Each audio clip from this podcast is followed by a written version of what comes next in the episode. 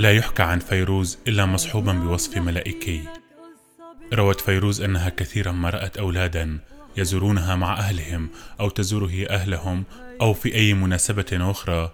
يجهشون بالبكاء ويلوذون بأحضان أمهاتهم ما أن تطل عليهم فيروز. تروي ذلك مقتنعة بأن سبب بكائهم هو خوفهم منها ومن هالتها لا انفعالهم أو غيره من أنواع الإعجاب.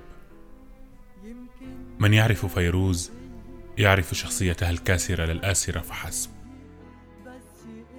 ضعفها الحقيقي وقوتها أيضا رقتها وجبروتها. يا سلام على بكرة يا سلام. ولواتي يحسبن من المغنيات أنهن يتشبهن بها عندما ينحفن أصواتهن. دليل آخر على سوء الفهم. صوت فيروز الأصلي فيه خشونة توهم أحيانا المستمع إليها عبر الهاتف أنه يتحدث إلى رجل. عن ذلك قصص لا تصدق. النعومة في غنائها هي رهافة روحها ولكنها أيضا إرادة الفنانة.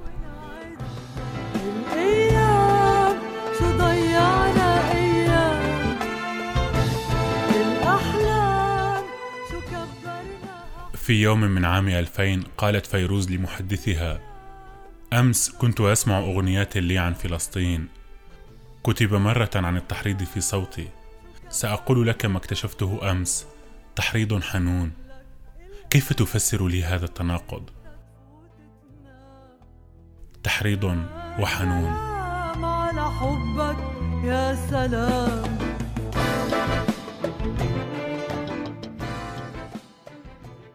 لو فكت فيروز أسرار ذلك وغيره منذ البداية فهل كانت ستظل فيروز؟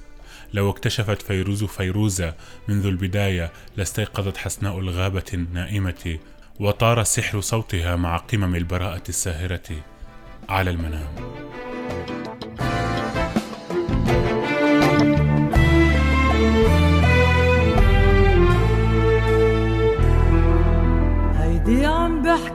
لك قصة بشعة كتير وحلوة كتير بس هيك بتصير عن حال.